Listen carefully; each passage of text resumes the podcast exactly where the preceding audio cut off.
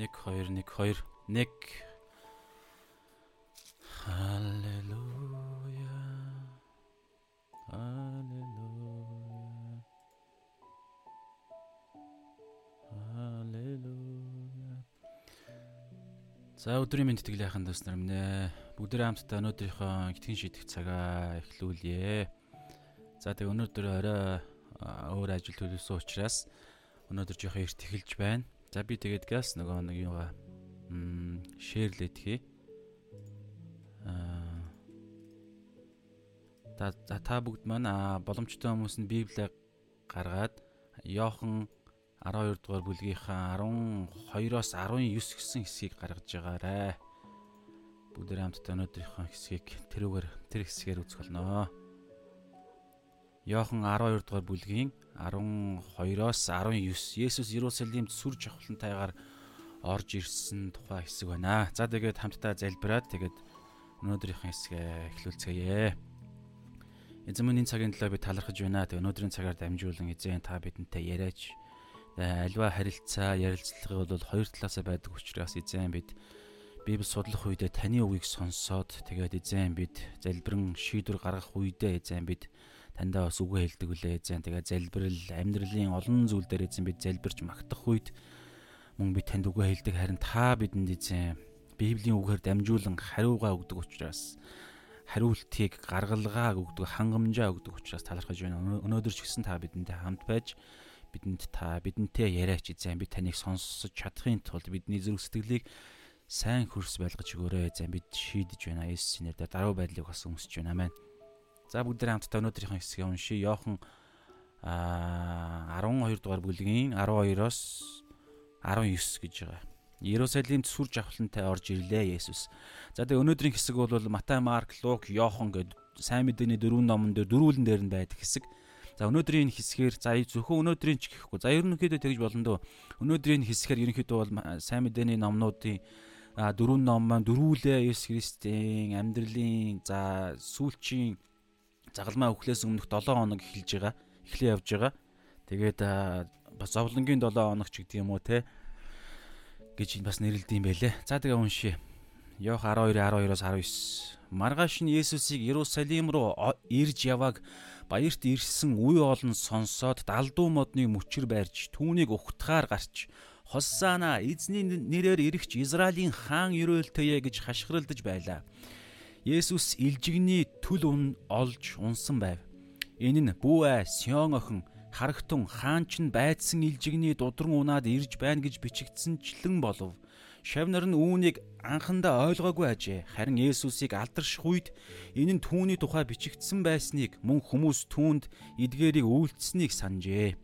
Есүс Лазарыг булшнаас дуудаж өгөхстээс амьлуулах үед нь хамт байсан ард олон Есүсийг гэрчилсээр байлаа. Тиймээс Есүс эдгээр тэмдгийг үйлдсэнийг ард олон сонссон тул түүнийг өгтөв. Тэгтэл фарисеучуд өөр хоорондоо хараач та нарын үйлс ямар ч ашиг алга харцгаа түүний араас ертөнц даяараа даглаа даглаа гэцгээв. Амен. За тэгээ өнөөдрийн хэсгээр дамжуулаад бүгд хамтдаа ойлгож ухаарах зүйлээ харцгаая. За тэгээ түрүүн хэлсэнчлэн Матай, Марк, Лук, Йохан гэ дөрүүлэн дээр нь өнөөдрийн хэсэг бол байгаа. Маш чухал хэсэг. За тэгээд 12 дугаар ишлэлээсээ бүгд эхнээс нь хараад явъя. Тэгээд боломжоор олж мэдж ухаарсан зүйлээ та бүгдтэйгээ хуваалцаад та бүгд ч гэсэн сүнсээр эзэнтэй энэ цаг мөчид нэгдэхийн төлөө бас хамтдаа энэ цагийг эхлүүлцгээе. За 12 дугаар бүлгийн 12 дугаар ишлэлээс харах юм бол ингэж байгааз маргааш нь Есүсийг Иерусалим руу ирж явааг баярт ирсэн үе олон сонсоод гэд эхэлж байгаа. Тэгэхээр Йох 12 дугаар бүлгээс 12-ийн 1-ийг та харах юм бол ингэж байгаа. Алгасал баяраас 6 өдрийн өмнө үхлээс амьлуулсан Лазарын байсан Битанд Есүс иржээ гэдэг өмнөх бидний үдсэн хэсэг гарч байгаа шүү дээ. Өмнөхийн өмнөх юм уу те. Тэгэхээр а энэ сүүлчийн алгасал баярын өмнөх үйл явдал аахгүй юу? Сүүлчийн алгасал баярын өдөр Есүс Христ алгасал баярын дахлын хург болж үхэн загалмай дээр энэ өдрийг бол алуулагдах өдөр нь гэж хэлж байгаа. Нөгөө талаар алдаршуулагдах өдөр нь гэж байгаа тэр алдаршуулгадна гэдэг нь бол авралын төлөвлөгөөний хувьд а ертөнцийн те авралын ертөнцийг аврах авралын төлөвлөгөөний хувьд сүнслэг утгаараа бол энэ алдаршуу алдаршуулагдж байгаа өдөр ихгүй юу? Өгч байгаа боловч бас ялж байгаа өдөр нь. Энэ талаар Эхлэл 3:15 дээр байгаа те а тэр могоог буюу сатаныг Есүс толгойг нь бяцлана. А бяцлагдж байхдаа сатан түүний өсхийг нь яцлана буюу загалмай дээр өсхий рүү нь хадаас зоож алж байгаа. Тэ өсхийг гар гэдэг Тэгэхээр яг нэг өдөр алуулах өдөр, алдаршуулах өдөр нэг өдөр болж байгаа. Энэ бол бүр бүтээлийн өмнөөс хэдэн мянган жилийн өмнөөс хэлэгдсэн иш үзүүлэг. Хамгийн анхных гэж хэлж болно. Бурхны амнаас нь өөрөөс нь гарсан иш үзүүлэг. Энийг бол Мойсе 1400 оны манай эртний өмнөх 1400 оны үед бичсэн байгаа тий. Эхний 5 номоор. За тэгэхээр энэ дээр хараа өнөөдрийн 12 дугаар ишлэл дээр ингэж байгааз маргааш нь. Тэгээ энэ дээр яг би ингэ судалж байхад маш чухал нэг мэдээлэл байгаа байхгүй юу? маш чухал мэдээлэл. А Библи бол маш нарийн, маш тодорхой тодорхой бөгөөд маш нарийн нягтршил юу лээ? А наривчлалтайгаар а Библи бичигдсэн гэдгийг харуулдаг олон Библийн иш үзүүлгүүдийн нэг иш үзүүлэг байгаа юм л да. Тэр нь хаана вэ гэхээр Даниэл 9 дугаар бүлэг дээр байгаа. Даниэл 9 дугаар бүлгийг харах юм бол А Даниэл бол өөрөө бол ерөнхийдөө ойролцоогоор те Есүсээс 400 500 орчим жилийн өмнө амьдарч исэн хүн шүү дээ те Вавилоны цөллөгийн үед а цөллөгөөс цөллөгийн үед Бабилоны цөллөгийн үед иш үзүүлж исэн иш үзүүлэгч. Тэгэхээр тэр үед бурхан Бабилоны тэ цөллөгийн 70 жилийн төгсгөлд Даниэл 9 дугаар бүлэг дээр бол бурхан руу хандаад гимшлийн залбирал тэгээд авралын залбирал ингэж хийж их үед Габриэл тэнгэр илч нөгөө Есүсийг төрөх талаар майраад бас Йохан Баптистыг төрөх талаар тэг хинд Захариа хоёрт мэдээ дуулгаж ирсэн, сайн мэдээ дуулгаж ирсэн Габриэл Тэнгэр хэлч бас Даниэлд бас мэдээлсэн байгаа даа байхгүй юу. Тэр залбирлын үеэр ирж нэг маш чухал нэг юм он он цагийн тооллыг маш чухал тоог дамжуулсан байгаа даа. Тэрийг нь би айхтар сая ингээд хальт харахад бол ерөнхийдөө эхний байдлаар ерөнхийдөө жоохон дутуу айхтар буруу биш ч гэсэн жоохон дутуу ойлгосон нэг зүйлээ тантай хуваалцъя.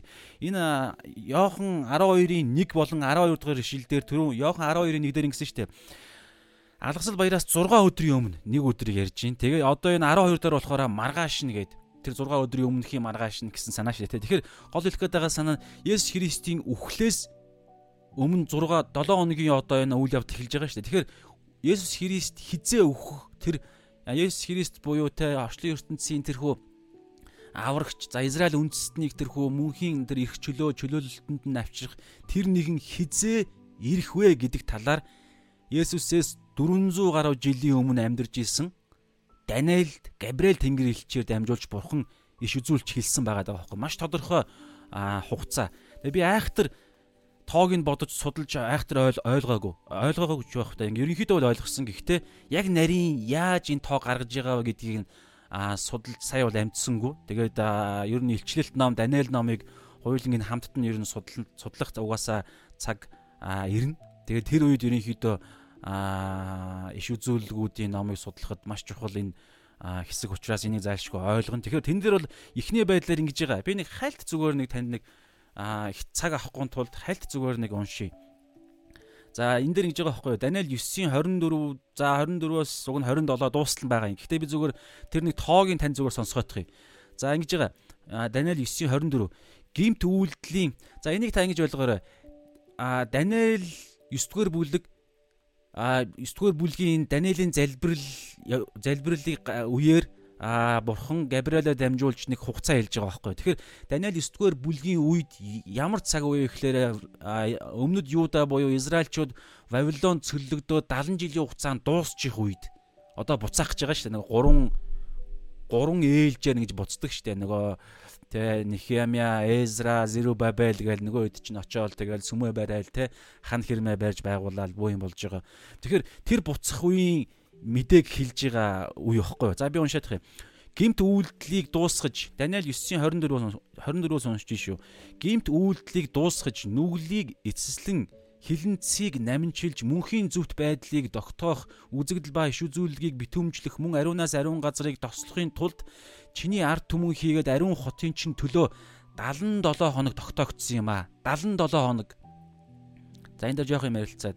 Тэгээд 25 Иерусалимыг сэргэн барьж босгохоор зарлиг гарах цагаас эхлээд жонон месиа Есүсийн талаар хэлж байна. Жонон месиа ирэх хүртэл 7-7 хоног болон 62 7 хоног байх болно гэдгийг чи мэдж ухаар. Зовлонгийн цагт ч гэсэн Иерусалим хэрэг хэрэм далантайгаа сэргэн босгогдноо 26 тэгээд 62 7 хоногийн дараа месиа таслагдж юу ч үгүй болно таслагдж Есүсийн үхлийг хэлж байгаа за юу ч үгүй болно хожим ирэх жононгийн ард хожим ирэх гэж байгааз За хожим ирэх жононгийн ард түмэн хот хийгээд ариун газрыг эвдэх болно. Төгсгөл нь төгсгөл нь үерээр ирж бүр эцэс хүртэл тэнд дайн үргэлжилж хоосрлон тогтоогдсон билээ. 27 сүүлийн шил. Тэрээр 1-7 хоногийн дотор олон хүнтэй бат гэрээ байгуулнаа. Гэвч 7 хоногийн дунд тэрээр тахилга ба эдэн тахилыг хориглоно. Хоосрлыг авчрагч дээр тогтоогдсон зүйл зутгагдах хүртэл хамгийн оройд хоосрлын бузар байна. За яг ингээд ерөнхийдөө бол энэ хардаа саяны ярьсан 24-оос 27 гэдэг энэ хитгэн ишлэл дотор а Израиль үндэстний Вавилоноос цөллөгөөс буцаж ирээд бүр бидний одоо энэ бидний 2020 он бүр алгасаад тэгээ зовлонгийн 7 жил мэлгээ ярьж байгаа. Тэрхүү нилээ ингээд асар олон жилийн хугацааг энд иш үзүүлж оруулж ирсэн байгаа даа байхгүй. Тэгэхээр энийг маш сайн судалж ийж илчлэлт номтой өөр олон судалгаатай харьцуулж ийж энийг бүрэн тайлбарлана. Гэхдээ өнөөдрийн бидний үзэж байгаа төрөө гэсэн чинь би нэг ганцхан үгэн дээр яриад байна л та. А Йохан 12-ын 12 дээр маргааш нь гэж байгаа энэ энийг маш чухал энийг энэ Даниэлийн энэ дээр хэлсэн байгаа байхгүй. Даниэл энэ энэ дээр за би ерөөдөө шууд базаа шууд маш тодорхой нэг юм яриад байгаа юм 77 хоног гэдгийн 7 хоног гэдэг энэ үг нь болохоор за еврей хэлэн дээр болохоор байна шүү дээ те Шабува гэдэг үг байт юм байна л да. Шабува. Тэгээ энийг болохоор англи орчуулга, монгол орчуулган дээр ч гэсэн 7 хоног week те 1-т 2-т 3-т гэдгийг 7 хоног гэж орчуулж болдог. Гэхдээ грек хэлэн дээр зүгээр 7 гэдэг утгаар байдаг гинэ. 7. Тэгээд энэ 7 гэдэг нь болохоор 7-7 гэсэн санаа зүгээр. 7-7 хоног гэдэг утгаараа биш. 7-7 гэдэг. Тэгээд тэр 7 гэдгийг нь 7 хоног гэж орчуулж болдог. Эсвэл нэг тодорхой 7 зүйлээс нэг нэг үйлчлэлийн 7 үйлчлэл үйлчлэл гэж бас орчуулдаг. Тэгээд тэр тэ нөгөө нэг цаад юуны strong strong-ийн толийг харахаар 7 7 хоног байж болдог. Эсвэл 7 жил байж болдог. Тэр утгаараа ингэ бодохоор 7 70 а 7 жил гэдэг утга байхгүй. Тэгэхээр ингээд бодохоор 490 гэж байгаа. Гэхдээ сая ингээд уншдаг хэсэг дээр нь 60 эдэн 7 хоног явж байгаа. Тэгээ ерөнхийдөө бол яаж байгаа гэхээр тэр инхийн жононг ирэх хүртэлх хугацааг нь 483 жил гэж байгаа. Тэгээд яг одоо энэ нөгөө нэг Даниэлийн энэ саяны ярьсан Габриэл ирээд ингээд нэг юм хугацаа хилээд явж байгаа. Тэр хугацааг нь ингээд янз бүрийн эрдэмтдийн ингээд судлахаар манай эртний өмнөх 444 445 орчим оны оны үед байгаа байхгүй. Тэгэхээр тэндээс ингээд 400 483 жилийн дараа тэр месиа ирнэ гэдэг нь шүү дээ. Месиа ирэх жоохоо алуулах хугацаа нь байхгүй юу? Өөхөх хугацаа нь. Түрүүн нөгөө месиа, Жонон месиа таслагдаж гэсэн шүү дээ. Би түрүү ирэх удлаа ярьчлаа. Буруу ярьчлаа. Жонон месиа таслагдах хугацаа нь 483 жил. Тэр нөгөө нэг 7 а 7 хоног биш 7 жилээрээ тэр 60 хэдэн 7 хоног нь үржихээр тийм болж байгаа. Тэгээ тэрийг ингээд а бодсон тийм судалгааны судлаач байна л да. Тэрний ингээд судалгааг ингээд харахаар ингэж байгаа байхгүй. Одоо бол нарны он тооллоор манайх одоо энэ дэлхий чинь 365 хоногтой гэж явж байгаа шүү дээ. Гэхдээ энэ Даниэлийн үед 365 хоног гэж явж байгаа үг нэ. Нарных биш, сарныхаар тооцоогоор тооцохлоор 360 хоногтой нэг жил нь. Тэгэхээр 360 хоног гэж бодохоор саяны ярьж байгаа 483 жил нь нэг юм асар олон өдөр гарч ийн л да хэд бисээ хальт харсан чинь 17000 хэдэн хэдэн хоногч гэж шүү. Тэгээд тэр дөрөв манай эртний өмнөх 445-аас ингээд тэр тэр баахан хоногийн ингээд үрчихээр ингээд тоолоо тоолоо тоолоо явсан юм байна л да. Тэр нэг гимт хэргийн юу ч үү дээ сая. Гимт хэрэг мөрддөг тийм нэг хүн байсан ч гинөө нэг судлаач хэд хэдэн судлаач нарын ил гаргаж ирсэн юм шиг үл. Тэгээд ингээд ингээ үрдсэн чинь тооцоо тооцоо тэр нөгөө яг Габриэл ирээд Даниэлд хэлсэн тэднээс гэдэг тэр хугацааг ингээд ингээд тэр үдсэн чинь 483 жил гэдэг нь хизээ ирж байгаа гэхлээр манай эртний манай эзний манай эртний 32 оны 32 он оны 4 сарын хэдэн гिचв нэг яг одоо өдөр. Тэр өдөр нь яг одоо энэ Есүсийн Иерусалимд сүр жавхлантайгаар орж ирсэн өдөр нь байгаа байхгүй юу? Гайхалтай. Өнөөдөр бидний үзэж байгаагийн 12-ийн 12 дугаар эшлэл маргааш нь буюу яг энэ өдөр яг Есүс а Есүсийн тэрхүү а Иерусалимд орж ирэх тэр өдөр нь байгаа байхгүй. Тэгээ иймэрхүү байдлаар тэгээд энийг яагаад ярьж байгаа вэ гэхээр одоо бүгдээр ингээ харъя л та 12-оос маргааш нь за нэг өдөр Есүс Иерусалимд орж ирж байгаа энийг дөрвөн сайн мэдээний ном дөрвүүлээ тэмдэглэсэн ингээ сая үзлээ те. Тэгэхээр Иерусал Есүсийг Иерусалим руу ирж явааг баярт ирсэн үе олон сонсоод талдуу модны мөчөр барьж түүнийг ухтахаар гарч Хосана Хосана эзний нэрээр ирэгч Израилийн хаан ерөөлтэй гэж хашгиралдаж байлаа. Есүс илжигнийг төл олж унсан байв. Энэ нь бүүэ Сион охин харагтун хаан чинь байцсан илжигний дудран унаад ирж байна гэж бичигдсэнчлэн болов. За энэ талаар Матай, Лук, Марк төр бүгдэн дээр нь байгаа. Тэгээд бусад нөгөө гурав дээр нь бол яг яаж илжигний дудран орсон хаан явж байгаад Есүс яасан эсэн дээр тэмдэглэсэн байгаа. Та харах юм бол ингээ байгаа. Энэ манай ариун бичээс дээр яг энэ Иерусалимд сүр жавхлантай орж ирлээ гэдгийг гарчны доохон талд нь ингээ те Матай 21-1-ээс 12 гэж байна. Марк 11-1-ээс 11, Лук 19-ийн 28-аас 40 гэдэг дээр та ингээ унших юм бол дэлгэрэнгүй байгаа. Ерөнхийдөө товчхондоо яаж байгаа гэхээр тэр битан алгасаад дээшээ ингээ яваад Иерусалим явах замд чидэн уулны тэр бэлд Есүс зогссон байгаа. Зосон гутлаа хоёр дагалдагчаа тэр яач ямар хот гэж үү дээ. Аа Bitfag гэсэн тийм.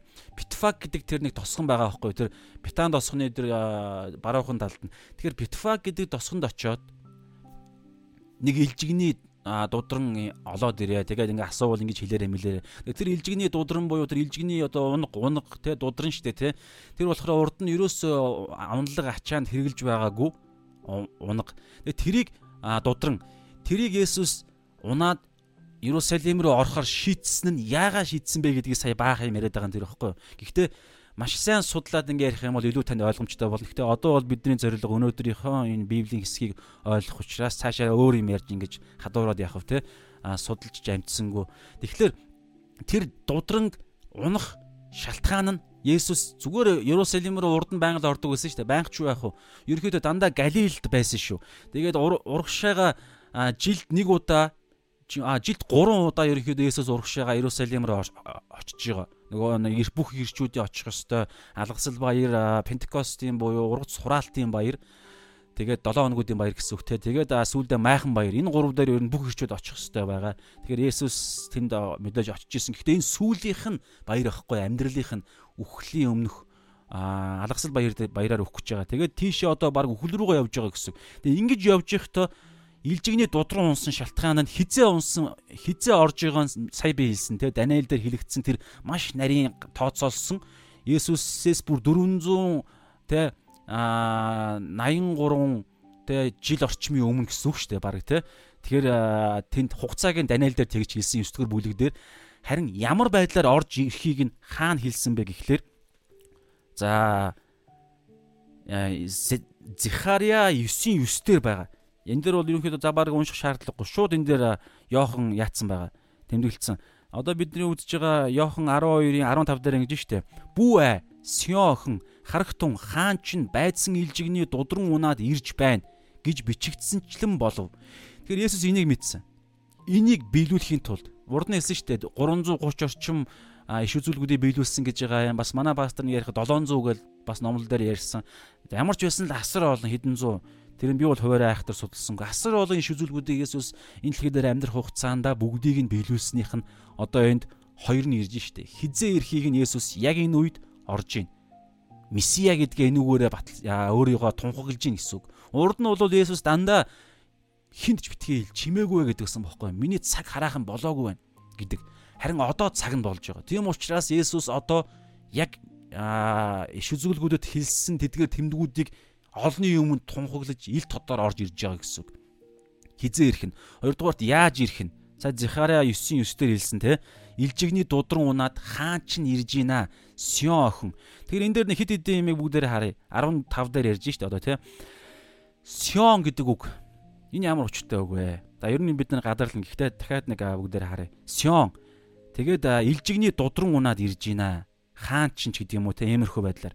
Тэгэхээр бүү ай сён охин. Тэгэхээр сён гэдэг энэ үгийг ингээ сая ингээд ерөнхийд нь харж хальт харлаа. Тэгээд бас ерөнхийдөө гадралж байгаа Иерусалим хот ч нэгдүгээр сён гэдгийн илэрхийл нь Библиэлд мэдээж янз бүрээр илэрхийлж байгаа. Гэхдээ ерөнхий байдлаар бол гурван байдлаар илэрхийлж байна л да. Нэгдүгээр болохоор сён гэдэг нь Иерусалимын Давидын хот буюу одоо энэ Иерусалим хотыг тэр чигээр нь Сион гэж бас хэлдэг илэрхийлдэг юм байна. Нэгдүгээрт хоёрдугаарт Сион хотод ерөнхийдөө хоёр тийм нэг өндөрлөг газар байгаа байхгүй юу? Сион хот дотор нь. Нэгдүгээрт Морио уул гэж байгаа. Тэр уулан дээр бол яг одоо а одоо энэ Херодын сүм ч юм уу Зерубабелийн сүм гэдэг байгаа энэ хоёр дахь сүм гэдэг байгаа энэ одоо энэ сүм байгаа. Тухайн Иесусийн үед байсан. Тэр нь 70 онд устгагдчихж байгаа шүү дээ. Тэгэхээр Израилийн бурхны сүм байгаа тэрхүү өндөрлөг нь Мориа уул. Хойхон талд нь Иерусалим хотод дотор нь хойхон талд нь Сион гэдэг нэг бас нэг өндөрлөг байна. Сион уул гэдэг. Нэгдүгürt Иерусалим хотыг тэр чигээр нь Сион гэж хэлж байна. Хоёрдугаарт Сион уулны Сион а Иерусалим хотын хойхон талд нь Сион гэдэг нэг өндөрлөг байна. Тэрийг бас хэлж байна. Гуравдугаарт нь Бурхны оршихуй зүгээр.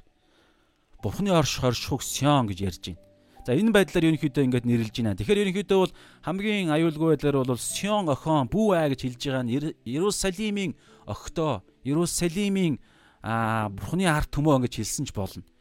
Ерөнхийдөө бол Библиэлд бол те аа сүд бүсгүй сүд залуу гэдэг утгаараач тэр тэгээд Бурхан бол ард түмнийхаа тэгээ нөхөр нь За яг зарим байдлаараа хартай хамгаалдаг те өөр надаас өөр бурхттай байж болохгүй гэж ярьдаг штэ. Мосегийн хуулийн дээр хүртэл. Тэр утгаараа ч тэр хартай гэдэг байдлаар ч орж ирж байгаа. Ерөнхийдөө бол охин гэдэг энэ илэрхийлэлээр бол Бурхны ард түмэн гэж ойлгоход бас болно гэж би бодож байна. Тэгэхээр Иерусалимийн ард түмэн гэсэн санаа битгий аа харагт түн хаан чинь хаан хаан месиа хаан чинь илжигний дудран гунаад ирж байна. Тэгэхээр илжиг гэдэг энэ үг байгаа. Тэгэхээр ерөнхийдөө ингээд судлахад бол ингэж байгаа байхгүй юу? Аа ер нь яг одоо энэ Библийн цаг үеийн хаадууд альва ямар нэгэн улс үндэстэн рүү очихдоо хоёр унлаг хэрглэж очдог. Хоёр төрлөөр, хоёр зорилгоор гэсэн. Хэрв дайлаар мордоо дайтах гэж, тулдах гэж, дайн зарлах гэж устгахаар явж байгаа тохиолдолд морь ундаг. Харин хаадууд инх тайвны гэрээ байгуулахаар явах тохиолдолдоо илжиг ундаг байгаа байхгүй. Тэгэхээр илжиг гэдэг бол ерөнхийдөө инх тайван буюу одоо нэг еврей хэлээр бол шалом гэж байгаа шүү дээ. Англиар бол peace гэж байгаа. Тэгэхээр амар тайван инх тайвныг тогтоохоор явж байгаа хаан аль тухайн тэр улс үндэстэн рүү орохдоо илжиг унж ордог. Тэгэхээр энэ утас энэ зориг байгаа даа байхгүй.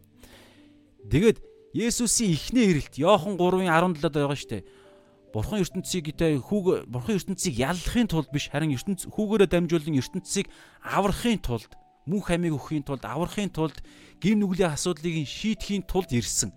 Инх тайван тэ амар амгалан инх тайван сайн сайхан авралын төлөө ирж байгаа байхгүй.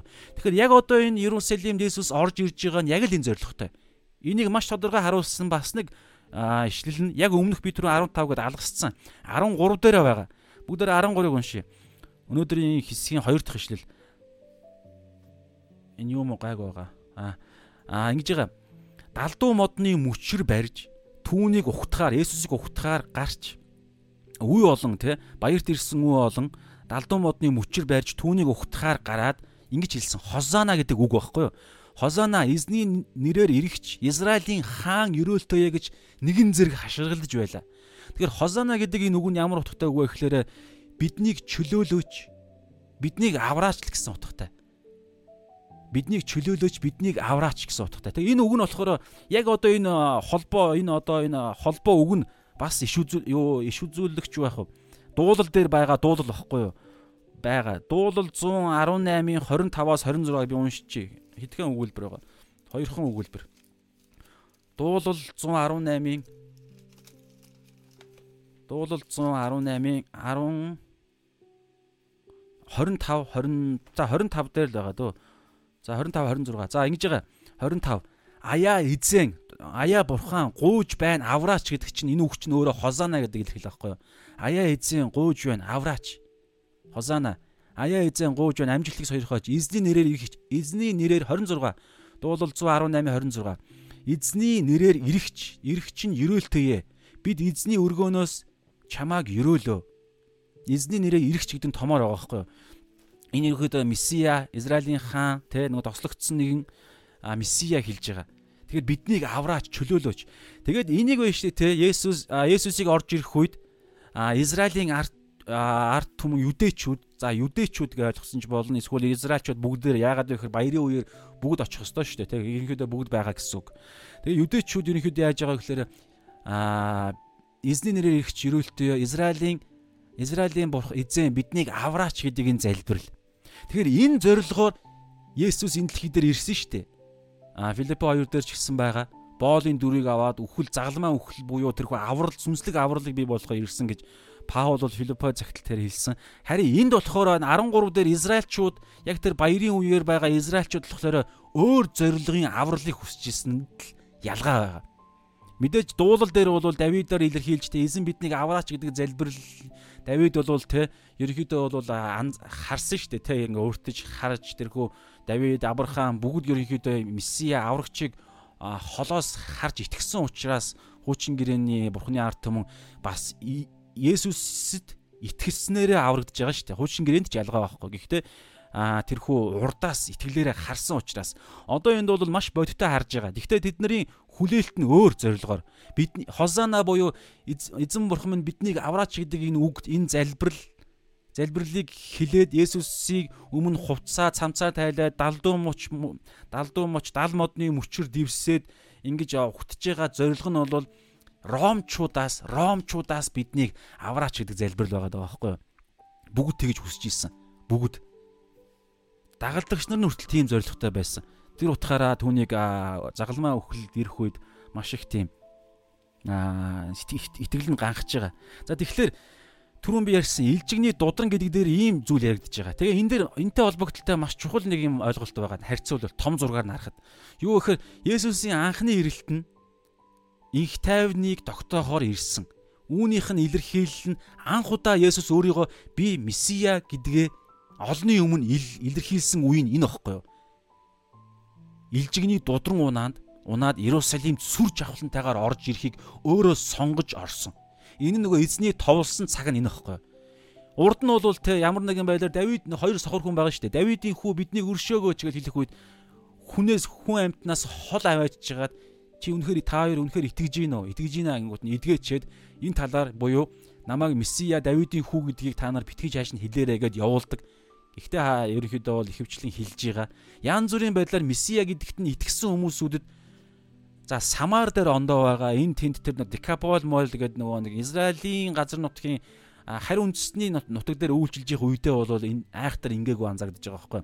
Яг Израиль газар нутаг дээр тэр тусмаа юдэд ч юм уу те юу гэдэг Израилийн газар нутаг дээр Есүс Христийг хэн нэгэн месиа гэж 12 дагалдагч нараас нь бусдаас бусад хүмүүсүүд ингэж ямар нэгэн байдлаар тунхаглаж мэдэгдэх үед үгүйсгдэггүй мөртлөө чааш нь битгий хэлээрэ гэж хэлдэг байсан. Цаг нь болоогүй гэдэг утгаараа Харин одоо бол цаг нь болж байгаа учраас яг одоо өөрийгөө месиа гэдгээ тунхаглаж байгаа байхгүй. Тэгэхээр анхны ирэлт нь Есүс энэ дэлхий дээр хүн төрөлхтний түүхэнд хоёр удаа ирэлт ярьж байгаа шүү дээ.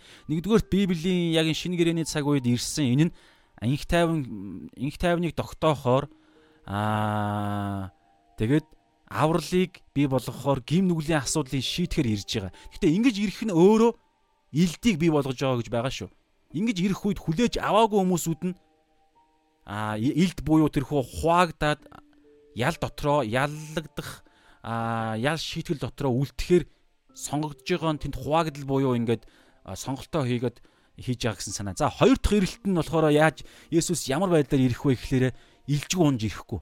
Бид нар илжиг ямар унаатай ирэхээр нь хүртэл харьцуулагдаж болж байгаа байхгүй. Эхний эрэлтэн сая илжиг унж Иерусалимд орж ирлээ. Иерусалимд алагдана шүү дээ. Алдаршуулгадана, алагдана. Гол авралын үйл явдлыг загалмаа дээр хийж байгаа. Тэгэхээр гол авралын үйл явдлаа хийхдээ илжиг унсан. За одоо хоёр дахь эрэлтэн. Тэр нь одоо бол ирээгүй ирээгүй байгаа. Хизээ ирэх нь зөвхөн бурхан аав мэдж байгаа гэж ярьж байгаа. Хугацааг нь бол хулгайч мэт гэдэг утгаараа гинт ирнэ гэж байгаа. Хүн болгон одоо ирэх болоогүй одоо бол амар тайвны цаг байна, сайн сайхан цаг байна. Бүгдээрээ сайхан идэж уу, сайхан тгий ингээ гэдэг ийм байхад гинт үүлэн дунд асар олон за одоо би ишлэлээр нь уншихад хүртэл гараад ирнэ гэсэн. тэр дайчидтайгаа тэнгэрийн дайчидтайгаа гинт ирнэ гэж байгаа. Хүн болгон харна. Тэр үед Есүс илжиг унж ирэхгүй. Морь унж ирнэ. Морь. Тэгээ энэ морь гэдгийг түрүүн биелсэн шүү дээ. Хаан болохоор хоёр зориг хоёр унлагтай хоёр зорилгыг илэрхийлж аливаа газар нутг руу ордог. Нэгдүгээрт илжиг гэдэг дээр нь сая инх тайвны гэрээ байгуулахаар тэр нь Есүс Христийн хувьд эхний ирэлтэнд бий болцсон. Одоо итгэх юм бол инх тайвнтайгаар бурхантайгаа инх тайван амар тайвнаар нэгдэн гэсэн үг. Харин хоёр дахь ирэлт нь ингэж нэгдсэн үү үгүй юу гэдгээс шалтгаалж шүүхээр ирнэ. Тэр үед Есүс шүүж яллаж устгахаар ирнэ. Аа өөрийнхөө ард түмнээ харин бузар муугийн энэ хүү одоо үхсдийн орон гэж илэрхийлж болж байгаа. Тэгээ энэ дэлхийгээс өөрийн ард түмнээ чөлөөлөхөөр бүрэн өөртөө авахаар ирнэ. Тэр үед аа бурхны хүмүүсүүд бүгд амьлан амьлна гэдэг ойлголт байгаа. За амьд байгаа итгэгч нар нь бол Есүс зарим итгэгч нарыг амьд байхад ирнэ шүү дээ хизээ гэдэг нь мэдэхгүй учраас маргааш чирж магадгүй хизээ чирж магадгүй тэр үед амьд байх юм бол үхлийг үсэхгүйгээр агаар мандал Иесустэй нэгдэж би энэ алдрын биеийг авна гэж байгаа. Үхсэн хүмүүсүүд нь амьлаад бас алдрын биеийг авна.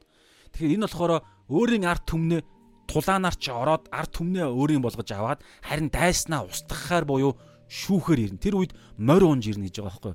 Энэ маш тодорхой ишлэл нь бол илчлэлт 19-ийн 11-ээс 14 дээр байгаа. За би уншчихъя цагаан морьтон гэдэг утга гарчигтай хэсэг байна. Илчлэлт 19:11. Би Тэнгэр Йоохны үзэгдэл ч те Есүсийн Йоханд үзүүлсэн Есүс Христийн илчлэлт гэж байгаа. За би тэнгэр нээгдсэнийг харлаа. Харагтун тэнд цагаан морь байлаа. Морь гэдэг нь түрүү хэлсэн.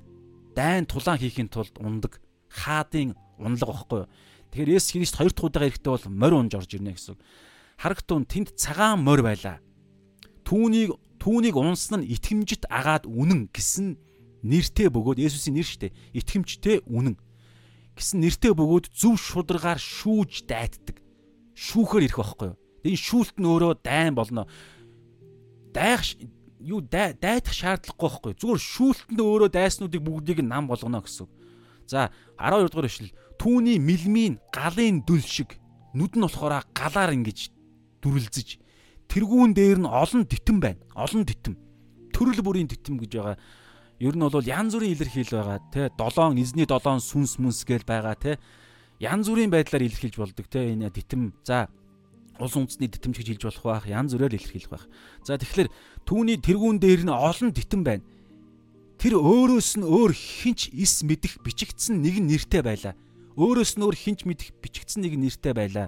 13 тэр цусанд дүрэгдсэн дээл өмсчээ. Эхнийхээ ирэлтээр буюу илжиг унж ирэхдээ цусанд дүрэгдсэн дээл өмссөн байхгүй юу? Одоо яг өнөөдрийн бидний үзэж байгаа хэсэг бол Иерусалим руу орохдоо сүр жавхлантай орохдоо цусанд дүрэгдсэн дээл өмсөхөөр орж байгаа гэсэн. Цус цусаа урсгахаар ахан дүүс а бурхны арт түмний төлөө а дээл өмсчээ түүний нэрийг бурхны үг гэдэг ажээ. Илчлэлт 19-ийн 13 түүний нэрийг шүүхээр дайтахаар дайснаа устгахаар шудраг байдлаар үүсээрийн шүүхээр устгахаар хоёр удаага эрэхтэй эрэх тэр цагаан морь унж эрэх тэр нэгний нэр нь Бурхны үг гэдэг нэртэй ажээ. Цагаан бөгөөд цэвэр нарийн майланган хувцс өмссөн Тэнгэрийн дайчид хардаа. Дайчид цагаан морь дунан түүнийг дагаж байв. Тэгэхээр хоёр дахь ирэлт нь бол Есүс Христ Йохан аа яг алуулах үеэр Понти Пилат төрт хэлдэн штэ тий. Та тэгээ хаа юм уу гэдэг санаа хэлэх үед миний хаанчлал энэ дэлхийх бишээ. Юу тий Тэгснээр би таныг суллах эрхч байна, таныг яллах эрхч байна гэж Понти Пилат хэлэх иймэрхүү байдлаар тэ хэлдэг байхгүй. Тэр үед Есүс аа тэ өөрт чинь өгөгдөөгүй танд өгөгдөөгүй бол чамд өгөгдөөгүй бол энэ хаанаас ч тэ энэ боломжгүй. Хэрвээ тэ одоо юу гэдэг аа яг тодорхой иймэрхүүгээр байхгүй. Гэхдээ илэрхийлж байгаа санаа бол санаж байгаагаар бол хийж байгаа байхгүй. Энийг би нөгөө нэг Йохан 10 10 дээр хүртэл байгаа байхгүй юу? Сайн хончин гэдэг юм дэр. Би амиа өгөхийн амиа авахын тулд би амиа сайн дураараа өгнө. Амиа өгөх, амиа авах эрх мэдэл надад байгаа гэж байгаа байхгүй. Гэтэл Понти Пилат бол тэн тэгж байгаа.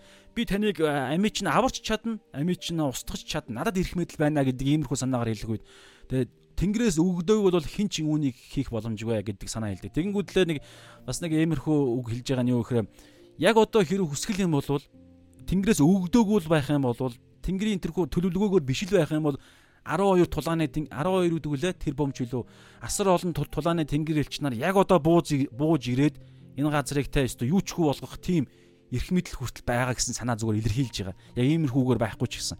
Тэгэхээр хоёр дахь эрэлт дээрээ эхний эрэлт дээрээ тэр тулгааны одоо энэ сая хэлсэн шүү дээ цагаан морьтой цагаан морь унсан тэнгэрийн дайчид а илчилт 12 19 дээр сая байсан шүү дээ тэр Есүстэй хамт шүүхээр дайтахаар ирж байгаа байхгүй. Тэгэхээр эхний эрэлт дээр нь ч гэсэн тэд нар байж л байсан шүү дээ. Гэхдээ зориг нь ондоо байсан учраас бүгд бурхан эзнээ буюу те Есүс Христ хүү бурханыг загалмай дээр алахыг нь зөвшөөрсөн байгаа даа байхгүй. Зориг нь яагаад? Инх тайван амар тайван тэнд хайрыг нь илэрхийл болгож. Тэгэхээр иймэрхүү утга цаан тэр илжиг гэдэгний цаана байгаа. Зүгээр нэг те одоо юу гэдгийг даруугийн тэр даруу байдал гэхээс илүүгээр эн чинь зөвхөн Есүсийн тэрхүү алагдсан, ядлагдсан хург гэдэг чинь эхнийх нь л төлөв байдал гэхгүй удахгүй хоёр удаага шүүхээр ирнэ. Тэр нь хизээ гэдгийг нь түрүү хэлсэн. Тодорхойгүй. Гэхдээ Библиэлд эцсийн цаг үеүүдэд дөхөх үед болох тэмдгүүд байдаг. Тэр нь одоо олон ерөнхийдөө бол баримжаагаар бол тунд өгч байгаа гэж байгаа. Тэр байтугай ийм үг байгаа шүү дээ. Есүс Христийн загалмай үхэл амьлалттай ариун сүнсний дэрхүү дархалт анхны чуулган эхлэх үед л эцсийн цаг үе эхэлсэн байхгүй. Библийн санаагаар ингэж байгаа. Та захилуудыг харах юм бол энэ хүү эцсийн цаг үе тэгээд Паул, Петр бүгд ярьж байгаа байхгүй. Тэгэхээр аль хизээнээ бид эцсийн цаг үед амьдарч байгаа. Тэгээд тэр дундаа янз бүрийн тодорхой тодорхой зүйлсүүд байгаа. Бас зарим энүүгээр олон судалгаа бас байд юм билээ. Одоо нилээнд өгч байгаа гэдэг судалгаа. Тэгэхээр энэ дээр бид нар бас маш сэрэмжтэй нөгөө нэг мата дээр ер нь сайн мэдээний номууд дээр ч гэсэн байгаа шүү дээ. Аа сүут залууга сүут хар хүүгээ те ухтахаар гарч байгаа 10 Тэ мэрэгүү ухаантай 10 сүйт бүсгүй ухаан муутай бэлтгэлгүй 10 сүйт бүсгүй хоёрын зүүрлэлээр бас байдаг штеп. Оо ирэх болоогүй унтчихсэн чинь унтчих үед нь ирдэг. Тэгээд нөгөө нэг дэллүү мэллүүгээ бэлдээгүй байдаг. Дэллүүнийхаа тос мосоо. Тэгэхээр үргэлж бэлэн байх юм ярьдаг байхгүй. Түрүүн нэгдүгээр бид нар 5-ын 8 дээр ч гэсэн эрүүл ухаантай сонор сэрэмжтэй гэдэг. Өө болоогүй байна. Одоо Монголын нийгэм ийм байна те дэлхийн ертөнцийн ийм байна ингээд бид нар болоогүй ингээд бид нар өөрсдийнхөө ухаанаараа бодоход энэ ухаан ухаан бүхий иймэрхүү бүтээлийн ухаан бүхий аа тэ бурхны ард түмэнд библи юу хэлж байгаа гэхээр та нарыг мдээгүй байхт чинь унтчихт чинь амар тайван те одоо илэрхийлэр бол те юу гэдгийг заастаа хашаандаа гой нохоотой манай хашаандаа те домофонтой янз бүрийн нөгөө нэг камеруудтай зөндөө олон юмтай хулгайч орж ирэхгүй одоо асуудалгүйгээд амар тайван сайхан унтчих үед ороод ирнэ гэж байгаа байхгүй.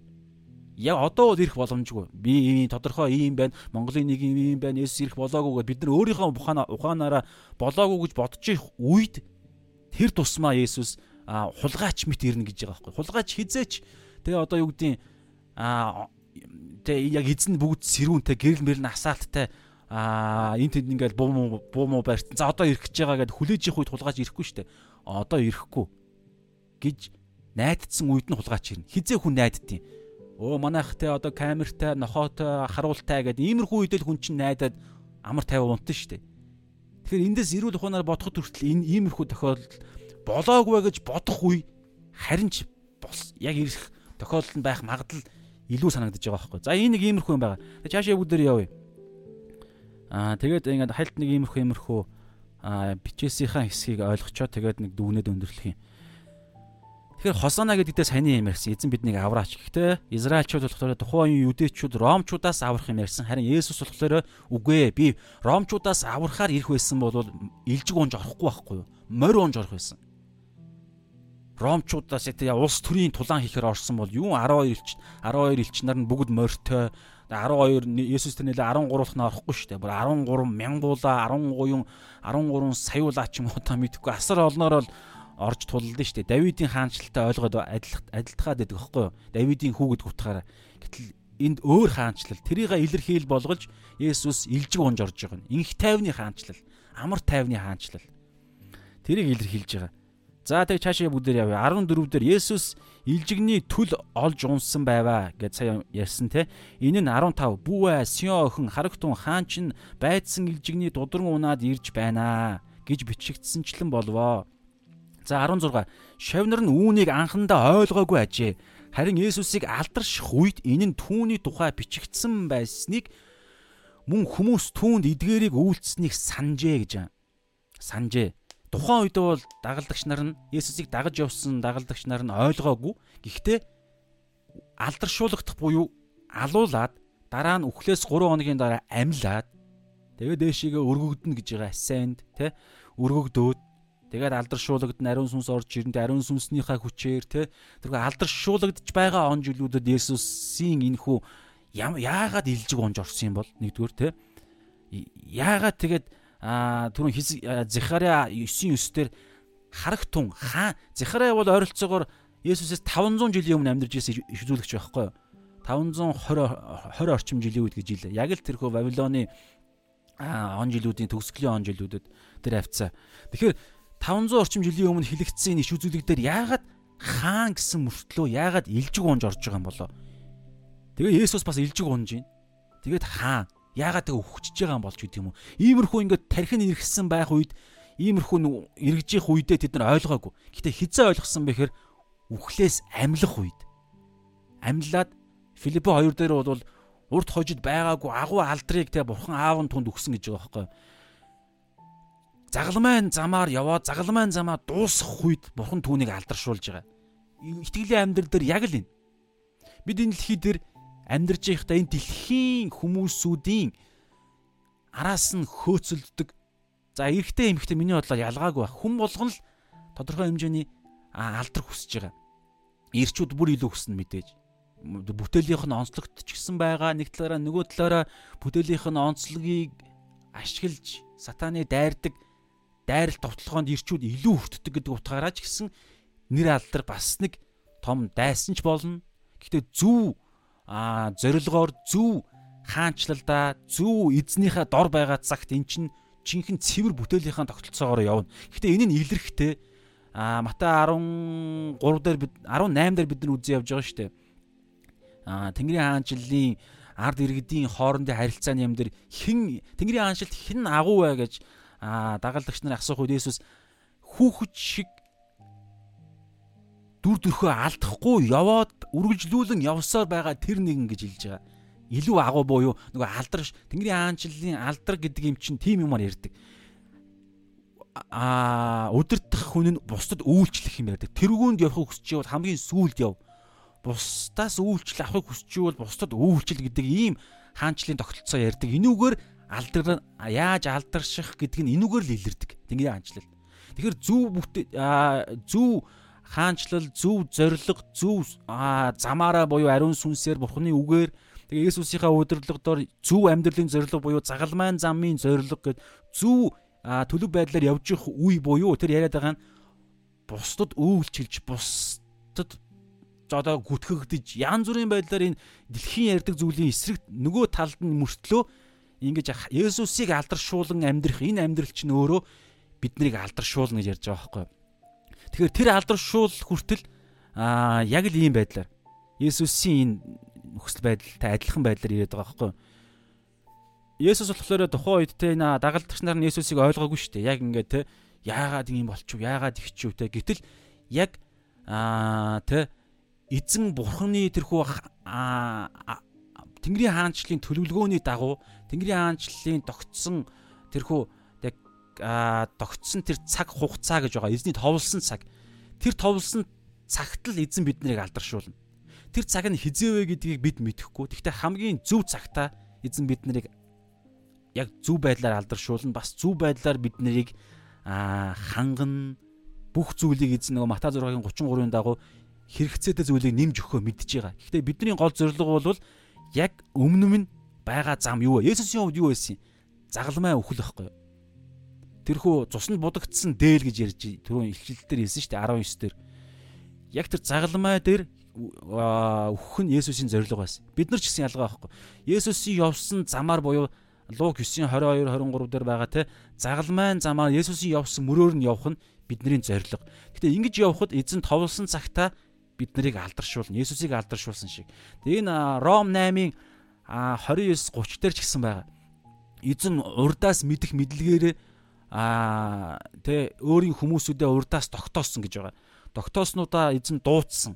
Дуудсан дуудснуудаа дуудсанд нь хариулсан хүмүүсгээ хэлсэн ч болно те. Дуудснуудаа эзэн зөвтгсөн гэж байгаа. зөвтгсөн хүмүүсүүдээ эзэн алдаршуулсан гэж байгаа байхгүй. Тэгэхээр итгэгч нар алдаршуулгадана. Тэр нь яг ерөнхийдөө том зургаар бол Есүс Христ энэ дэлхий дээр хоёр туудаа шүүхээр ирэх үед бид яг ямар ч маргаангүйгээр тэр өдөр бүрэн алдаршуулгадана. Бид алдрын биеийг авна.